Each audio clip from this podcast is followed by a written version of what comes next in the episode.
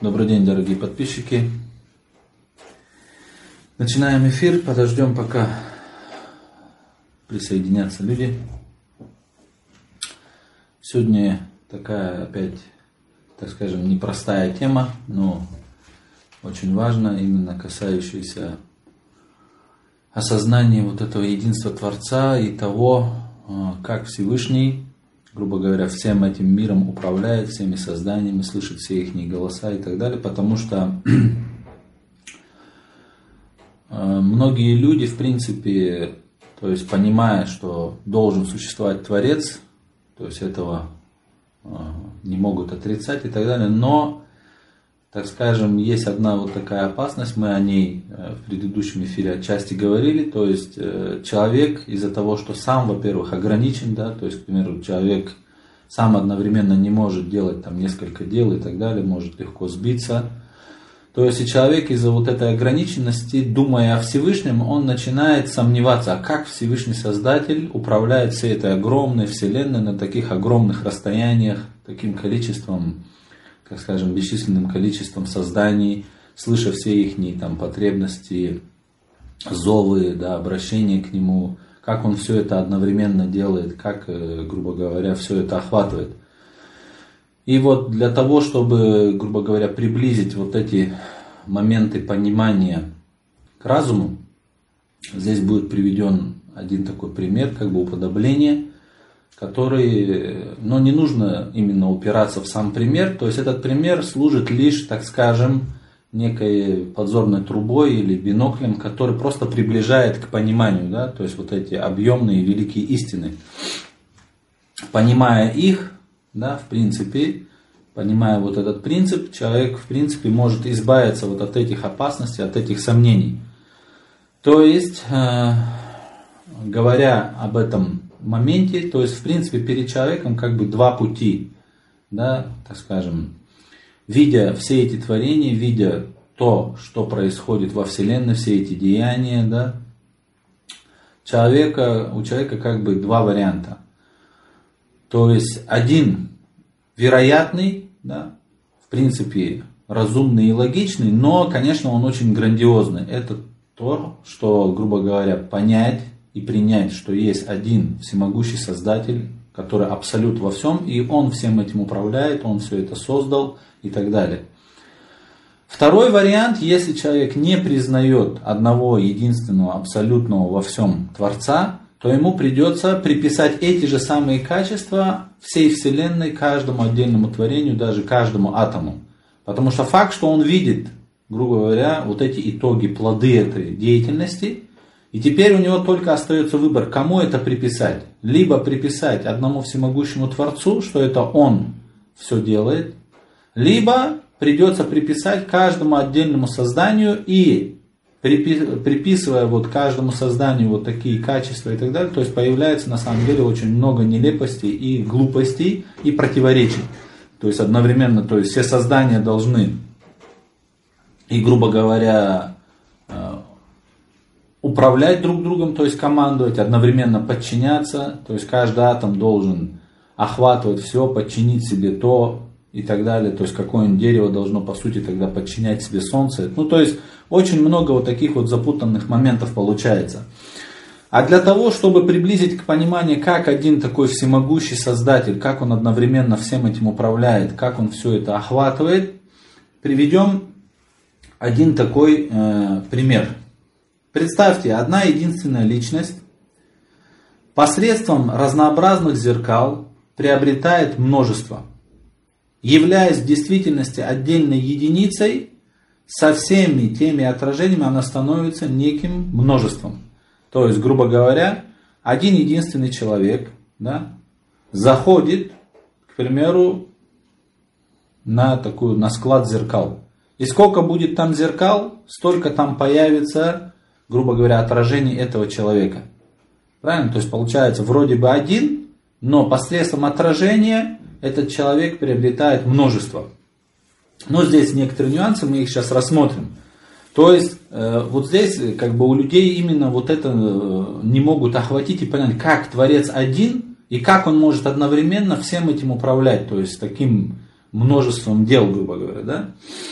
То есть, например, Солнце, являясь конкретной единицей, посредством прозрачных предметов становится таким множеством, что заполняет поверхность Земли своими подобиями и отражениями. Даже можно сказать, что количество его отражений равны числу капель и всех блестящих частиц. Солнечное тепло, сияние и составляющие это сияние спектр семи цветов охватывают и полностью распространяются на все противолежащие вещи. И при этом каждая из прозрачных тел вместе с подобием Солнца хранит как бы в зенице своего ока его тепло, сияние и семь цветов его спектра, и будто устанавливает для него некий, так скажем, трон в своем чистом сердце. Значит, подобно тому, как Солнце вследствие своего единства охватывает все находящиеся перед ним тела, так и в виде собственного отражения оно становится единственным, присутствует во всех вещах вместе со своими как бы многими качествами. Да? То есть получается, что Солнце вроде бы одно единственное, но посредством того, что оно обладает вот этой светоносностью, да, грубо говоря, сколько есть и будет прозрачных вещей, то есть в каждой этой прозрачной вещи будет образ Солнца, какие-то его качества, какие-то его, грубо говоря, отражения. Да? То есть и никаких проблем мы в этом не видим. То есть если одно из творений Всевышнего, такое как Солнце, да, которое обладает некими качествами, да, так скажем, то есть светом, да, то есть и благодаря вот этому качеству, вот этим способностям, которые дал ему Всевышний Создатель, это Солнце, будучи одной единственной единицей, становится множеством. Сколько будет прозрачных вещей, столько оно и будет отражений, да, грубо говоря, у этого Солнца. То есть, если бы у Солнца был бы разум, и мы бы у него спросили, а что тебе труднее, да, грубо говоря, отражаться, к примеру, в капле или в море. Для него разницы нету.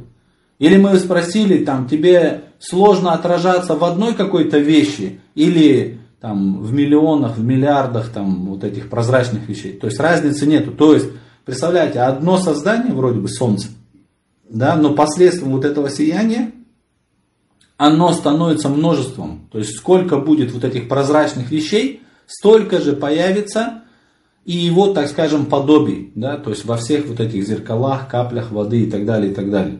И тут, опять же, вот этот э, пример, да, то есть либо мы должны признать, что есть одно небесное солнце, и все эти отражения, все эти подобия, они относятся к солнцу, либо человек вынужден будет признавать, что в каждой реальной капле, в каждом реально, там, не знаю, осколке стекла будет находиться маленькое солнышко. То есть, ну это уже, конечно же, бред. И точно так же, если человек, который, смотря на этот мир, на каждое творение, и видя в этих творениях проявление там, знания, могущества, воли, мудрости и так далее, у него опять же, то есть два вот этих варианта. Или он должен признать, что есть один всемогущий, абсолютно мудрый, такой-такой творец, да, который обладает всеми этими абсолютными качествами. Или он вынужден будет э, как бы утверждать, что реально в каждом вот этом создании, да, к примеру, в этом цветке, существует, то есть этот цветок там настолько знающий, мудрый и так далее. Так, то есть, по сути, приписывая качество Творца самому творению. То есть в этом большинство ошибки, да, то есть если вы посмотрите, так скажем, вот на мирских ученых, да, которые рассматривают творение не взгляде, грубо говоря, не понимая, что есть Творец, они в принципе вот только к таким выводам и приходят. Они говорят, что это деревья такие умные, там, то, ну то есть абсолютно глупые выводы.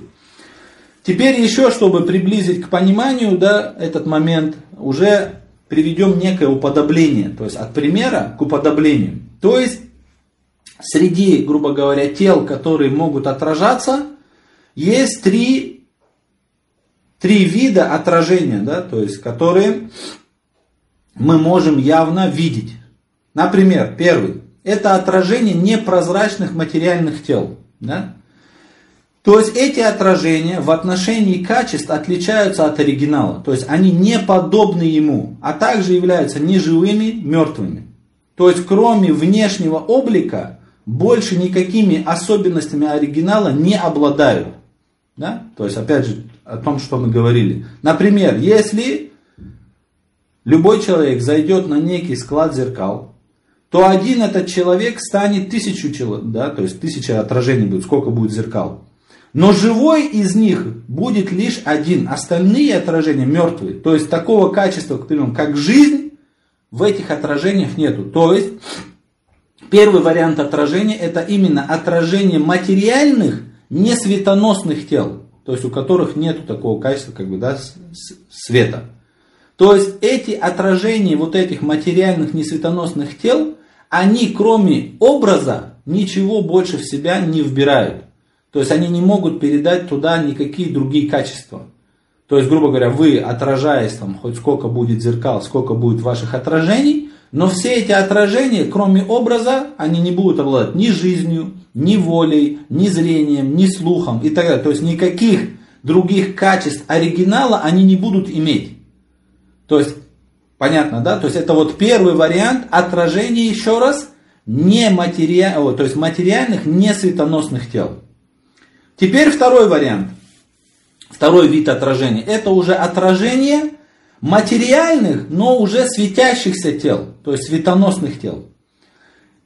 Это отражение не такое, конечно, как оригинал, но и уже отличающимся его тоже не назовешь. То есть оно не передает, конечно, сущности того материального светоносного тела. Но такое отражение будет уже обладать большинством свойств света оригинала. То есть будет и считаться живым, подобным источнику света. Например, опять же возвращаемся да, к Солнцу. Когда Солнце появляется над миром, в каждом зеркале показывает его отражение. То есть каждое из тех отражений обладает такими свойствами Солнца, как свет, да, и составляющая этот цвет, семь цветов, там, тепло и так далее. То есть очень много всяких разных вот этих излучений. Если вообразить, что Солнце стало бы разумным, да, то есть представим, что Солнце разумное, его тепло стало бы как могущество, его свет стал бы как знание, семь цветов как семь качеств, тогда это одно единственное, единичное Солнце, находясь одновременно в каждом зеркале, каждое из них могло бы сделать неким видом своего как бы пребывания, что ли, своего трона связавшись с каждым из них с помощью некого отдельного такого телефона. При этом одна связь абсолютно не мешала бы другой. То есть то, о чем мы говорили, да, то есть если мы бы в таком виде обратились к Солнцу и спросили у него, трудно ли тебе отражаться во всех этих вещах? Нет проблем, да. Мы сейчас знаем, да, последние технологии, э, то есть, к примеру, там все знают, там, например, световолокно, да, что через свет передается информация. Поэтому то, что здесь говорится, что как некий отдельный телефон, то есть реальная вот эта связь Солнца с каждым отдельным зеркалом, блестящей вещью и отражение, это реально как отдельный, грубо говоря, канал связи. Да? И получается, что если бы мы у Солнца спросили, тебе трудно одновременно отражаться и быть связанным с, каждой вот этой блестящей вещью? Никаких проблем. То есть при этом одна связь не мешала бы другой. С помощью наших личных зеркал оно могло бы видеться с каждым из нас, в то время как мы от него далеки. Оно было бы ближе к нам, чем мы сами к себе. То есть, грубо говоря, представьте, Солнце по отношению к вам своим сиянием, своим теплом, своими многими излучениями, насколько оно близко к вам? По сути, оно ближе к вам, чем вы сами к себе. То есть, к примеру, такой видимый спектр вот этих излучений Солнца, заходя через сетчатку глаза, да, проникает вовнутрь, там перерабатывается потом в электрическую энергию и идет там в зрительный отдел мозга и так далее. То есть, по сути, Солнце проникает внутрь нас. Многие излучения вообще прошивают нас, грубо говоря, да, там, к примеру, как и рентгеновские и так далее. То есть э, ученые говорят, что Солнце, к примеру, излучает там 10 в 25 степени различных из, излучений. Да, и эти излучения там многие из них просто там прошивают все да, там, на своем пути. Но там Всевышний Создатель нашу планету защитил вот этими атмосферами, которые вредные из них отражают, не пропускают, а пропускают только те, которые, грубо говоря, нужны живым созданиям. То есть, что мы хотим сказать этим самым? Что получается, что Солнце своим сиянием, своим теплом очень близко к нам. Но мы от Солнца далеки, да, сколько там миллионов километров. Вот, грубо говоря, вот эти вещи, они как бы приближают к понятию. То есть Всевышний Создатель, он, можно сказать, что он везде. Но везде не в буквальном смысле, а Всевышний Создатель везде своим знанием, своим могуществом, своей волей, своей мудростью и так далее. То есть они охватывают все. Но при этом сам Создатель не нуждается вместе. То есть он существовал до того, как было что-то создано, да, какое-то место там и так далее. То есть получается, что мы от Создателя бесконечно далеки, но Создатель своими знаниями, могуществом, волей, мудростью и так далее, он ближе к нам, чем мы сами к себе. Это вот именно исходя из вот этого примера, касающегося Солнца. Да? То есть каждый может человек очень легко поразмыслить над этим. Теперь, то есть мы э, рассмотрели сейчас два вида отражения. Да? То есть первый, еще раз повторим, первый это отражение материальных несветоносных тел. Второй вариант это отражение материальных, но уже светоносных тел, к примеру, Солнца. Да? А третий вид отражения это уже отражение светлых духовных созданий, уже не материальных. То есть, ну или так скажем, из неких тонких материй, да, какие-то создания. Вот такие отражения являются уже и живыми, и подлинными. То есть, грубо говоря, отражение уже вот таких созданий, то есть духовных созданий в каких-то зеркалах, да, в каких-то мирах, они уже являются практически оригинальными, точно такими же. Только говорит, они проявляются в зависимости уже от качества зеркала. То в зависимости от того, насколько зеркало способно воспринять вот эту духовную сущность, настолько и она будет подлинной. То есть понятно, да? То есть если в первых двух вариантах зависело от самого тела, которое отражается, то есть насколько оно способно передать в зеркало там свои какие-то качества и так далее, то в третьем варианте уже, то есть отражение духовных, да, светоносных тел, уже будет зависеть от качества зеркала, то есть зеркало насколько способно воспринять вот эту духовную сущность. Да? То есть, например, все ангелы, да? То есть ангел может одновременно находиться в бесчисленном количестве мест. Да? Какие-то духовные создания. То есть они просто охватывают там, тысячи мест, да, грубо говоря, там, например, ангел, который там забирает души людей.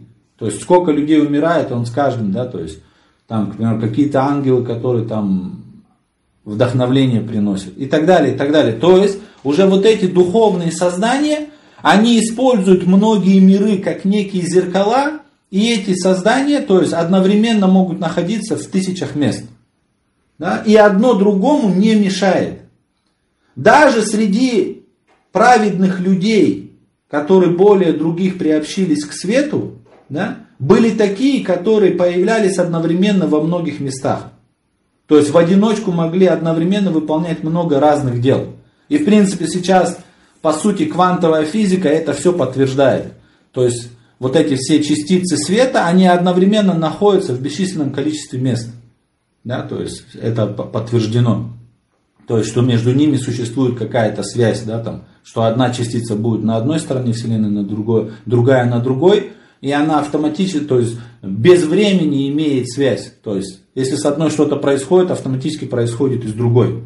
Да? В принципе, на этой основе сейчас и уже там работают над тем, чтобы сделать вот эту там телепортацию. Так вот, да, подобно тому, как среди плотных материй да, и неких веществ, подобные, к примеру, стеклу, воде, льду, могут играть роль зеркал. Да? То есть многие материальные такие, э, например, многие материальные вещи являются зеркалами. Да? Стекло, да, к примеру, лед, вода, капли какие-то. Да? Точно так же и для духовных созданий, к примеру, воздух, какие-то тонкие материи, там, эфир какой-то, да. Точно так же некоторые существа э, духовных миров, да, они являются подобием зеркал для них и неким средством для передвижения и путешествий. быстрым, как воображение и молния. И таким образом те духовные существа перемещаются со скоростью мысли по этим чистым зеркалам, по этим нежным просторам. То есть одновременно бывают в тысячи разных мест. Да? Теперь, вот имея в виду все то, что мы привели, который мы пример привели Солнца, да, те уподобления, то есть три вида отражения, да, вот это все имея в виду, теперь подумайте, Поскольку такие слабые и подвластные создания, как, к примеру, Солнце, и такие связанные все равно с материальным миром, полусветлые творения, как духовные создания и ангелы, но по световым законам, будучи в одном месте, могут находиться еще в очень многих местах. Будучи ограниченной единицей, становятся абсолютным множеством со своей незначительной волей могут одновременно выполнять много различных дел. То есть представьте, если некоторые творения, да, по вот этим световым законам, грубо говоря, да, могут выполнять такие вещи, то есть одновременно быть во многих местах, выполнять очень много дел одновременно.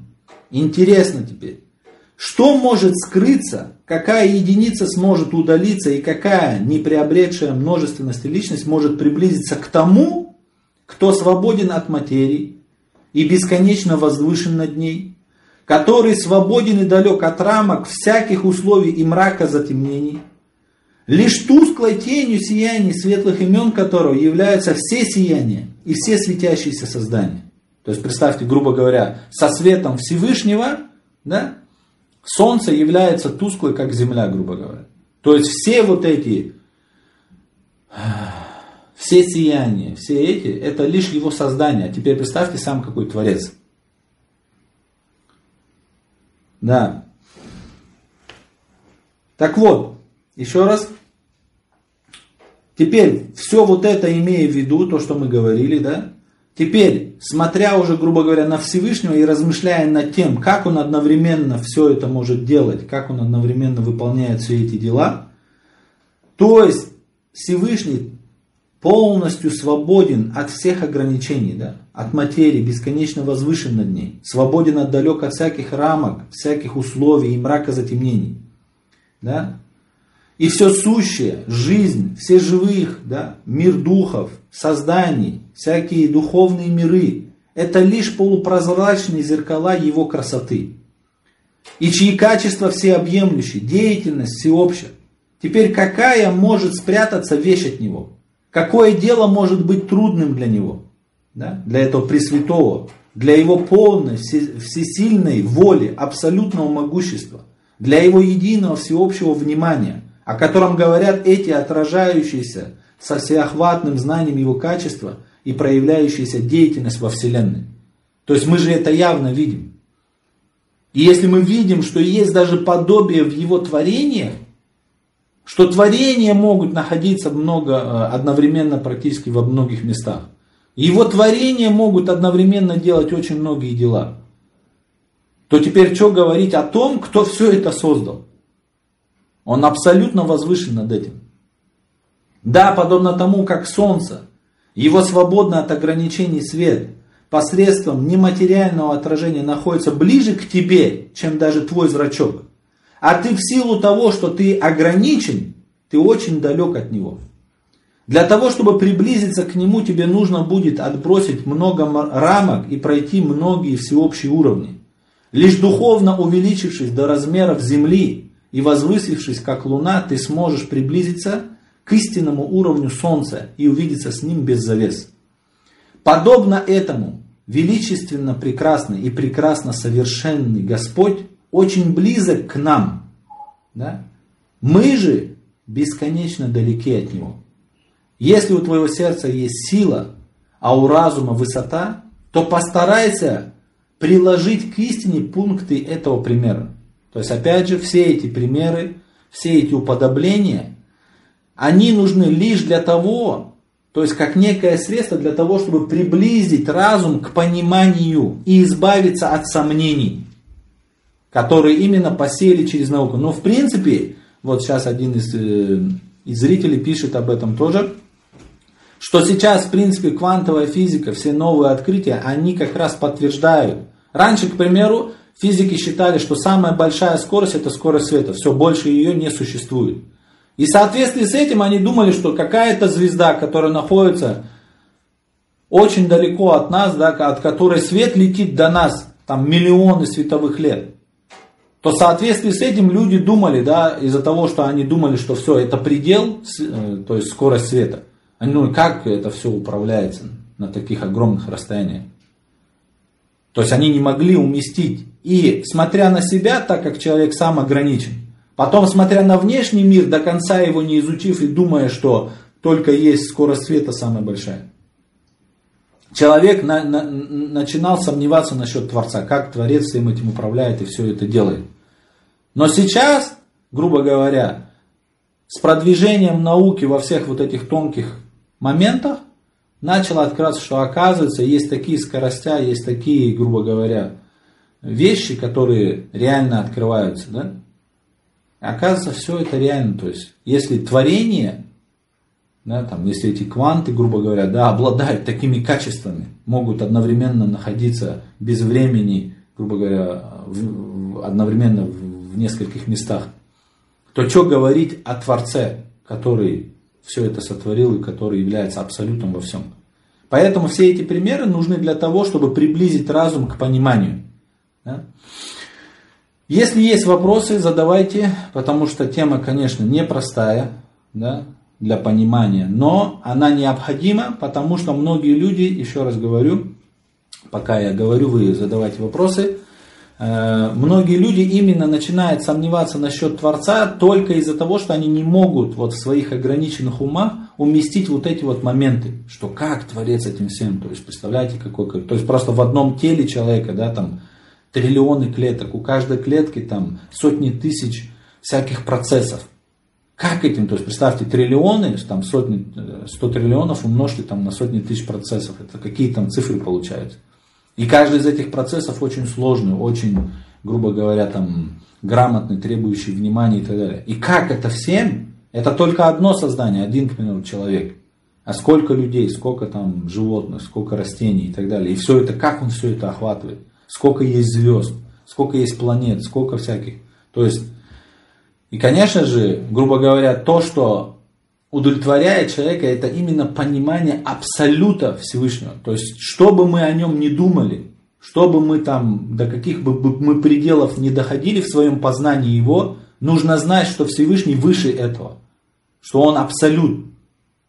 И наше познание будет, познание его будет вечным. И это, в принципе, реальное предназначение человека. Потому что человек хочет постоянного прогресса. И вот это единственная сфера, которой человек действительно может прогрессировать бесконечно, вечно. То есть познавать Творца мы будем вечно. Его милость, его могущество и так далее. То есть для этого, конечно, нужна вечность. И поэтому обязательно будет и вечный мир. Но если нет вопросов, то мы завершим эфир. Если, грубо говоря, на данный момент не сформулировали каких-то вопросов, то можно задавать их в директ. А также ставьте обязательно лайки, комментируйте, а, подписывайтесь, кто не подписан. И всем желаем добра, желаем познания Всевышнего. Развивайте свою веру и будьте счастливы. Всем всего доброго. До свидания.